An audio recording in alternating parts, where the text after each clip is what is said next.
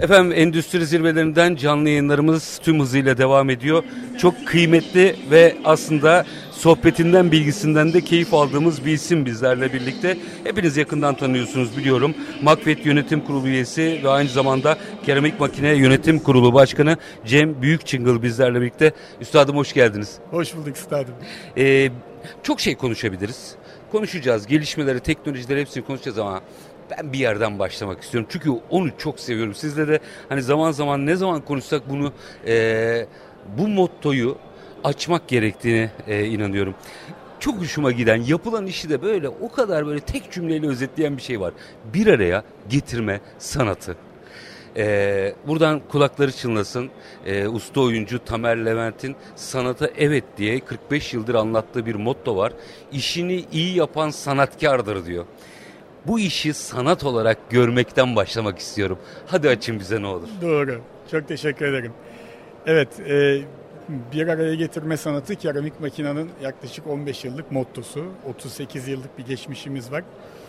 E, 38 yılı nasıl yaşadık derseniz dediğiniz gibi iyi insanları, iyi işleri, iyi projeleri doğru şekilde ve yöntemde bir araya getirerek sağladık. Ee, dünyanın gelişimine, firmaların gelişimine, toplumların gelişimine baktığınızda iyilerin bir araya gelmesiyle bütün bunların ancak olabildiğini görüyorsunuz.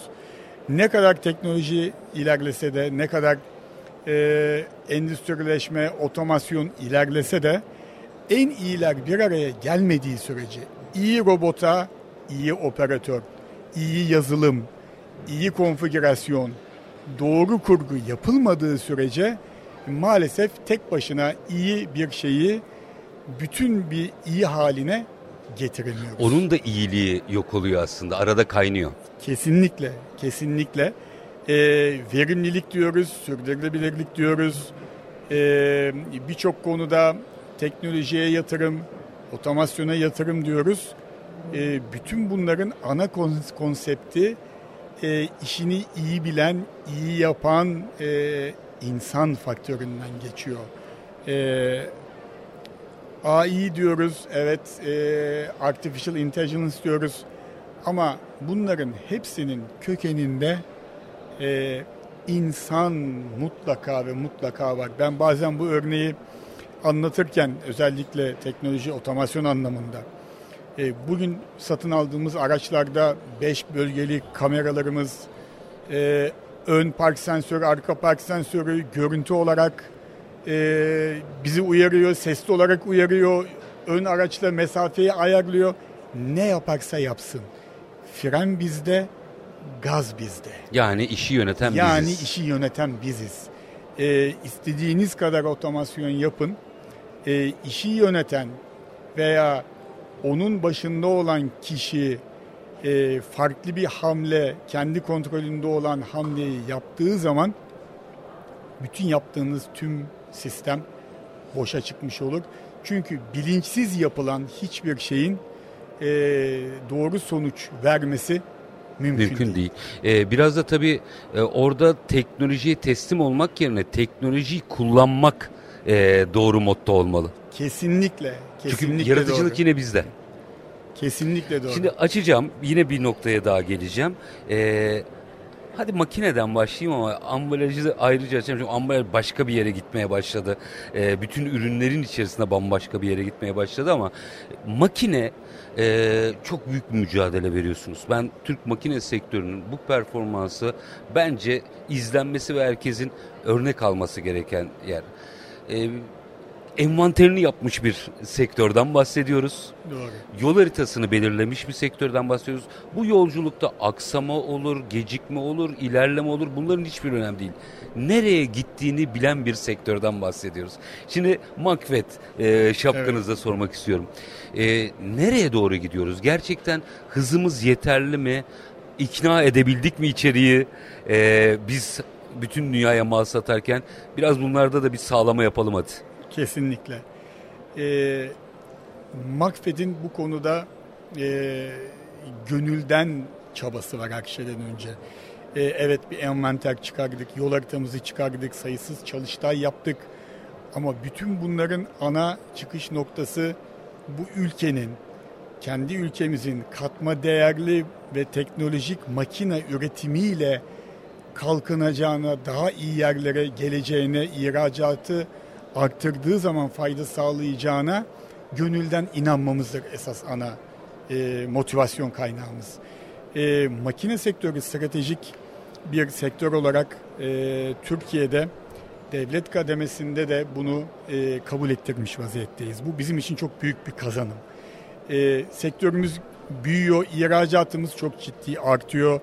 E, tabii ki her sektörde, birçok sektörde olduğu gibi dışarıya bağımlı, ithalata dayalı bir sektör gibi gözüksek de bizim bunu özellikle yazılımla ve mühendislik geliştirmeleriyle daha katma değerli bir hale getirme imkanımız mevcut ve bunu da her geçen sene aslında yükseltiyoruz. Çünkü orada yaptığınız ithalat e, toplum içinde ayrıntı kalmaya başlıyor. Aklı kattığınız anda. Kesinlikle. Ee, ve genel genel anlamda baktığımız zaman da e, bütün bu gelişmeler bize e, sektörün ölçek ekonomisinde daha fazla hareket edebilmesini ve yapılanmasını sağlayabilsek bu ivmenin daha hızlı büyüyeceğini gösteriyor. En büyük makine sektörü olarak sıkıntımız ölçek ekonomisinde üretim yapan çok fazla firmamızın olamayışı. Kendi içimizdeki rekabetler, firmaların içinden bölünmelerle oluşan yeni firmaların piyasaya girmesi, e, rekabet tabii ki güzel. Dünyanın her yerinde e, sonuç olarak bu e, sadece makine sektöründe değil bu rekabet oluşuyor. Ama anlamlı rekabet A- diye bir şey var. Bravo aynen anlamlı rekabet ve e, rekabetin tanımının doğru yapılması. E, bir firmadan ayrılıp yeni bir firma kurup önceki çalışılan firmanın aynı teknolojisiyle, aynı ürünleriyle, aynı tasarımı ve yazılımıyla makine yapmak burada firma sayısını fazla göstererek ki 22 binin üstünde makine imalat firması var. Türkiye'de çok ciddi bir oran bir Almanya ile bir İtalya ile kıyasladığınızda e, atıl bir sayı. Rakam kulağa hoş Kalabalık. geliyor. Bravo. E, rakam kulağa hoş geliyor. E, baktığınız zaman biz şu kadarlık e, firmadan oluşan bir sektörüz diyorsunuz. Ama of kadar adetteki firmanın karşılığı çıktıya baktığınızda, ülkeye katma değerine baktığınızda e, maalesef aslında e, sağlıklı bir yapı olmadığını görüyorsunuz. Üstad bir de oradaki kalabalık diyeceğim. Ee, iyi, iyilerin de yolculuğunu e, yavaşlatıyor. Çünkü e, orada bir ölçek olsa düzgün rekabette herkes birbirinin üstüne koymaya başlayacak. Teknolojik rekabet başlayacak. E, gerçekten her şeyiyle dünyaya açılmaya çalışan firmada dönüp orada her seferinde paçasından çekiştiren birileriyle uğraşıyor. Çok haklısınız üstadım. En büyük e, sadece makine sektörünün değil her belki problemimiz Türkiye'deki bu. en büyük sektörlerin sanayinin e, en büyük aslında iç tehdidi bu. E, orta kademeden üst kademeye geçme aşamasında olan firmalardaki bu tarz yeni oluşumlar aynı tabir ettiğiniz gibi paçayı aşağı doğru çekip sanki böyle gizli bir güç ki kendimiz yapıyoruz bunu kendimize. Bunun e, yurt dışından gelen yok, ithalatla bir alakası bunu. yok. E, korumayla hiçbir alakası yok. Ha belki bunları bazen görmezlikten gelip o sektöre, o ürüne koruma bile koydurtmaya kalkıyoruz ki aynaya bakmadığımız için önce belki de böyle bir taleple geliyoruz. Aynaya baktığımızda biz neden bu duruma düşüyoruz? Biz neden böyleyizin cevabını aramaya başladığımızda aslında kendimizle ilgili, sektörümüzle ilgili, firmalarımızla ilgili birçok eksiği göreceğiz. Yetişmiş eleman problemi, yetişmiş eleman yok diyoruz. Dünyanın hiçbir yerinde yetişmiş eleman artık zaten eskisi gibi kalmadı maalesef. Bütün bir dünyanın problemi ama e, biz bireysel firmalar olarak kaç üniversiteyle işbirliği yapıyoruz? Ya. Kaç tane stajyer çalıştırıyoruz? Kaç tane yeni mezun istihdam ediyoruz ve bu gençlerin sadece teknik anlamda değil, hayatı öğrenmesi konusunda mentörlük ediyoruz. Yeni jenerasyon elinde iPad'le, e, dijital telefonlarla, tabletlerle doğdu. Dolayısıyla Yani bizim bütün, teknoloji zannettiğimiz onun doğalı. kesinlikle dolayısıyla bütün bir dünyayı veya e, yaşam süreçlerini o dijital ortamda doğdukları zaman ellerine aldıkları tablet üzerinden elektronik internet e, ortamından ibaret sayıyorlar ki e, çok da haksız değiller. Nasıl ki biz e, yoklukların içinden e, doğan bir jenerasyon olarak e, birçok yeniliği gördüğümüzde aa wow diyerek e, şaşırdıysak onların şaşıracağı çok fazla bir şey aslında doğdukları tarihten itibaren yok. Onların şaşıracağı şey bizim yaptığımız geleneksel iş. Aynen.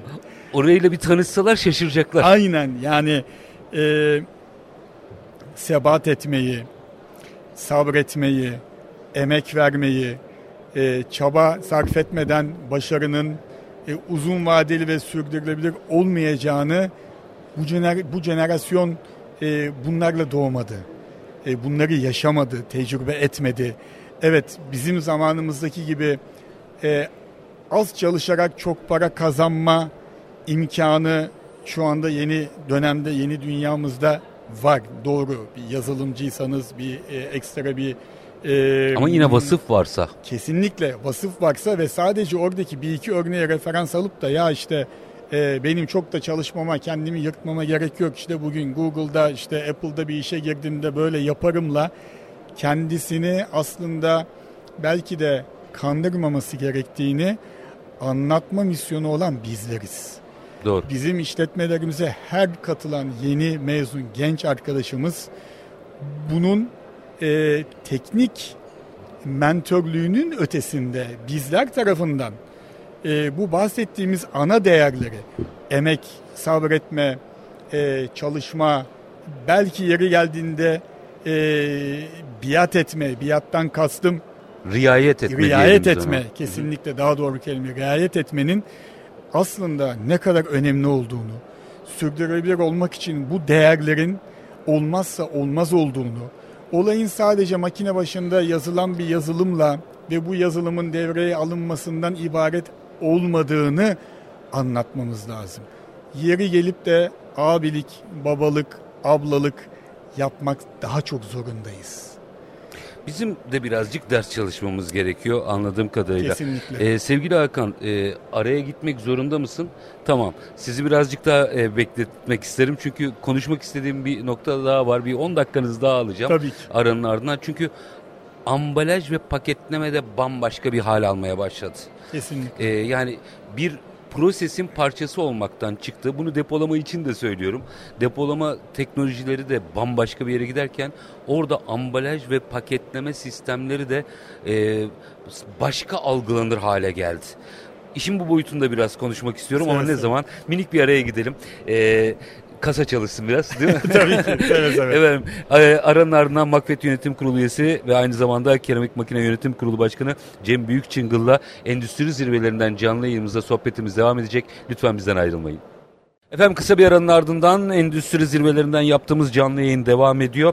E, kim bizlerle birlikte Makvet Yönetim Kurulu üyesi ve aynı zamanda Keramik Makine Yönetim Kurulu Başkanı Cem Büyükçıngıl'la aslında zirvenin e, bugününün Cuma akşamının son saatlerinde bir beyin fırtınası yapıyoruz. E, işin sanatıyla girdik, dönüşümüyle devam ettik. Makine hatta üretim mantığımızla devam ettik. Şimdi bu aradan sonra şunu konuşmak istiyorum. Ee, bazı sektörler e, bir birim olmaktan çıktı. Mesela ambalaj da bunlardan biri. Ee, bugüne kadar siz hep aslında aksine hep anlatmaya çalıştınız ama algı şuydu. Ya esas olan üründür. Biz ürünü üretiriz. Ee, e, bir de ambalajlarız. Hayır. İşin rengi tamamen değişti. Verimlilikten tüketicinin tercihine kadar her şeyin ambalajdan ve paketleme sistemlerindeki verimlilik üzerinden dönüştüğü bir çağa doğru, ekonomiye doğru gidiyoruz. Doğru. Biz bunu ne kadar okuyoruz? Çok doğru. Üstadım pandemiyle beraber ambalajın e, farklı bir kısmı ön plana çıktı. E, genel anlamıyla hep iyi ambalaj sattırır diye bir sloganımız globalde de hep vardı hepimizin. E, gerçekten ürettiğiniz ürün ne kadar iyi olursa olsun eğer bunu iyi ve doğru ambalajlamadıysanız e, bu sizin satışınızda ve pazar payınızda her zaman bir etkendi. Fakat pandemide neyi gördük? Pandemide ambalajın aslında özellikle gıda endüstrisinde hijyen açısından önemini gördük. E, bizler kile, kile kilo yıllarca portakallar, mandalinalar, elmalar alırken ve bu yurt dışında e, tekli, ikili, üçlü, dörtlü olarak streçlenip de ayrı kaplarda satılırken sanki onlar bunu kilolarca almaya ulaşamıyorlar gibi bir hep algı bizde zamanında oluştu. Pandemide neyi gördük? Hijyen açısından her şey tek tek Tüketeceğin paketlenmeli, kadar. tüketeceğin kadar alınmalı ve tüketeceğin kadar paketlenmeli ve hijyen açısından ambalajın ne kadar önemli olduğunu gördük. Ee, ve o trendten sonra e, bu hijyeni sağlarken sadece ambalajda değil, bunun ambalaj makinesinin otomasyonunun ne kadar önemli olduğunu gördük. Çünkü iş orada bitiyor aslında. Kesinlikle ürünü ürettiğiniz çok kaliteli bir ürün ettiniz. Dünyadaki en iyi ürünü üretiyor, üretiyor olabilirsiniz. Ham maddesi sizdedir veya sizin ülkenizdedir. E, kalite referansınız çok iyidir.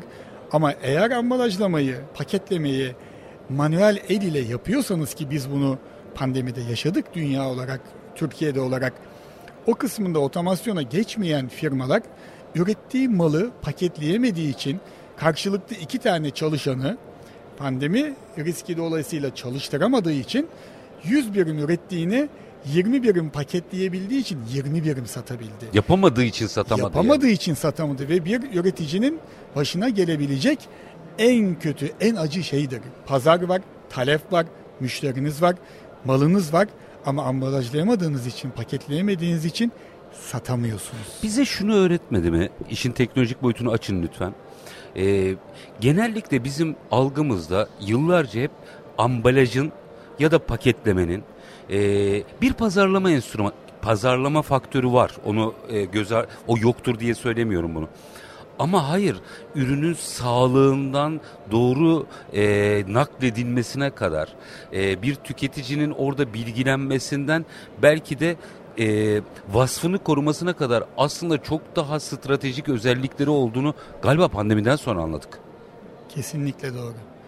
Kesinlikle Can doğru. canlı bir durum değil yani aslında sadece Aynen. tek başına. Aynen, aynen. Çok doğru söylüyorsunuz üstadım. Sadece e, ambalajın o ürünü e, bir kıyafet olarak sarmasının ötesinde bütünsel olarak baktığınızda e, nihai son kullanıcıya ulaştığı noktadaki ambalajın o anki pozisyonu, durumu da bir önem kazandı. Yani hiç kimse fabrikadan düzgün paketlenip veya paletlenip de gönderilen bir ürünün son noktaya ulaştığında ambalajının dağılmış olmasını, yan yatmış olmasını, yıpranmış olmasını, su almış olmasını, nem almış olmasını istemiyor. Ve bu pandemide bu daha da çok ön plana çıktı. Sürdürülebilirlik diyoruz, verimlilik diyoruz. Bütün bunlar bütünsel olarak ambalajın ve paketlemenin önemini çok daha ön plana çıkarttı. Yani bir e, şey değil, e, prosesin bir parçası değil, bir süreç olduğunu anlattı bize. Kesinlikle, kesinlikle üretimden çıktıktan itibaren birinci ambalaj olarak, ikinci ambalaj olarak daha da ileriye gittik. E, depolama, intralojistik sistemleri yani e, e, biz 38 yıldan beri paletleme, paketleme, şirinkleme, çemberleme makineleri zaten yapıyorduk. Ve e, bunu bir süreç olarak ele aldığımız zaman da ya bir önceki dolum tarafına ya da veya ilave olarak bunun bir sonraki intralojistik otomatik depolama, kamyon yükleme veya konteyner yükleme, vagon yükleme kısmına yönlenmemiz gerektiğini hep hedefliyorduk. Ve pandemide de özellikle e, ürün üretildikten sonraki sevkiyat ayağının da ne kadar önemli olduğunu O, gördük. o da Çünkü bambaşka bir sektör olmaya Kesinlikle başladı. çünkü en çok aktif ve büyüyen sektörlerden bir tanesi ne oldu pandemide ve pandemi sonrasında? E-ticaret, lojistik merkezleri, e, taşıma e, şirketleri ürünün sağlıklı bir şekilde dağılmadan, yük güvenliği bozulmadan A depolanması, depolandıktan sonra da otomatik olarak en son noktaya e, iletilmesi. Tüm üretim prosesi barkoddan veya QR kodun üstünden takip edilecek şekilde bütün bu sürecin e, oluşturulmasının önemini hem Türkiye'de hem tüm dünyada idrak etmiş olduk. Orada da galiba belirleyici olan kullanılan teknoloji oldu. E, kesinlikle çünkü verimli çalışmak zorundasınız. Yaptığınız üretimin, paketlemenin tüm süreçlerin e, sürdürülebilir bir şekilde olması lazım.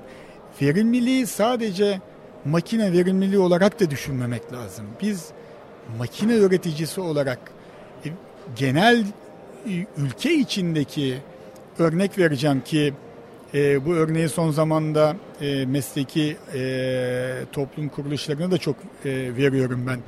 Bir makine üreticisinin yurt içinde yaptığı makineyi veya hattı montajı ve devreye alması sürecinde e, genelde müşterinin bakış açısı anahtar teslimi bu işi bana gelin kurun devreye alın ve gidin şeklindeydi. Şimdi e, artan maliyetler sadece e, çalışan ücretleri ve işçilik maliyetinden bahsetmiyorum. E, ulaşım maliyeti, konaklama maliyeti, e, bunun e, harcırahı, bütün operasyon yemeği, maliyeti bütün operasyon yani. maliyeti koyduğunuz zaman sizin normalde 7 kişiyle 8 kişiyle anahtar teslimi maliyetini üstlenerek yaptığınız işin bugün geldiğimiz noktada sizin kendi veriminiz açısından Avrupa'nın yıllar boyu yaptığı gibi bir veya iki süpervizörle yapmayı öğrenmek durumuna ya. geldiğiniz bir süreçteyiz. Buna da teknoloji el veriyor. Teknoloji el veriyor. Türkiye'de de var bu. Kesinlikle teknoloji el veriyor. Tabii altyapısını iyi kurgulamanız lazım. Firmalarımızın e, bu konuda dokümantasyonunu, montaj kılavuzlarını, devreye alma kılavuzlarını, e, kullanım kılavuzlarını e, çok iyi hazırlıyor olmaları lazım. Çok iyi etüt ediyor olmaları lazım. Ve bunu da müşteriye lanse ederken de bunun bir aslında e, müşteri açısından da verimliliğin bir parçası olduğunu anlatabiliyor olmak lazım. Çünkü müşterinin kendi ekibinin içinde zaten mekanik ve elektrik ekibi, bakım ekibi mevcut. Bunları e, bu montaj sırasında kullandırmamasının aslında kendi verimliliği açısından da e, handikap. handikap. E, nihayetinde bu bahsettiğim tüm e, en direkt giderleri dediğim yani otel, konaklama, ulaşım gibi topladığınızda yüksek bir meblağı satıcı da ödese, alıcı da ödese hiçbir katma değeri yok. Ayrıca bunların hepsi üründe maliyet. Yani kimse Hilal Ahmer diye yapmayacak. Hem, Ürünün fiyatını yükseltiyor. Kesinlikle hem maliyet hem de başka bir pencereden de baktığınız zaman bunu sürdürülebilir olarak e, satıcı firmaların yapması için sürekli montaj ve devreye alma işlemleri için ekibini büyütmek zorunda. Yaşayın. Artık karbon emisyonuna girmedim bile bakın. Kesinlikle. ve yani büyüme eskisi gibi işte üretim yaptığınız alanın metrekaresinin büyüklüğü veya çalışan sayınızın büyüklüğüyle ölçülmüyor. Operasyonel verimliliğiniz. Operasyonel verimliliğinizde alanınızı ne kadar e, verimli kullanabiliyorsunuz? İş gücünüzü, iş kaynağınızı ne kadar verimli kullanabiliyorsunuz? Bununla ölçülen bir dönemdeyiz ve daha da verimli olabilmek için tüm bu etkenleri optimize etmek zorundayız. Orada şöyle bir bakıyorum bir 2-3 dakikam var. Bir şeyi daha e, sormak isterim. Özellikle konuşmak istediğim başlıklardan biri. E, belki birazcık daha işin felsefesi e, ne girecek ama makinelerle konuşmayı öğrendik mi? Eee ya makineyi dinleyebiliyor muyuz? Çünkü bence her makine bize bir şey anlatır. Ee, kesinlikle doğru. Ee, bu bir yatırım süreci. Ee, bu yatırımı kademeli olarak firmalar e, yaptığı sürece makinelerin dilinden veya makinaların aslında sesini duyabiliyoruz. Yani beni yenile, bak verimsizim, ee, bak yanlış yapıyorsun, kesinlikle. makineleri yanlış dizin. Makine bunu söyler. Ee, Hatta. Kesinlikle. Endüstri 4.0'ın e, ana çıkış noktalarından biri ve ana hedeflerinden bir tanesi kesinlikle buydu. Ve bunu uygulama imkanınız şu anda çok geniş bir yelpazede mevcut. Ve biz de kendi makinalarımızda bunu çok yoğun kullanıyoruz. Şimdiki hedef dijitalleşme. O bir tık sonrası artık bir makinelerin sonrası. makinelerle konuşması. Kesinlikle, kesinlikle ama e, verimliliğin ana temel e, kaidelerinden bir tanesi.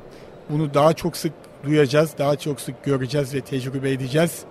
Dijitalleşme, Endüstri 4.0'dan sonraki gelecek konuşacağımız e, yeni e, geliştirmeler yapacağımız konu olacak. Hazır mıyız sizce? E, tam değil. Önümüzde uzun bir yol var ki özellikle dijitalleşme bir denizde derya e, bunu Avru- Avrupa'da özellikle Amerika'da e, ciddi yatırımlar yapıp e, denemeler yapıp da başarısız olan da çok ciddi bir oran var. E, Endüstri 4.0'da da olduğu gibi dijitalleşme de e, yapılması gereken bunun üstüne emek verilmesi ve strateji geliştirilmesi gereken konular ancak e, her sektöre bunun hangi oranda yapılacağı ve ne kadar fayda getireceğini doğru analiz etmek lazım. Diğer türlü maliyet, emek vermeye devam edersiniz ama istediğiniz, beklediğiniz sonuçları alamayabilirsiniz. Patinaj olur. Evet. Üstadım çok çok teşekkür ederim. Çok keyifli sizinle sohbet.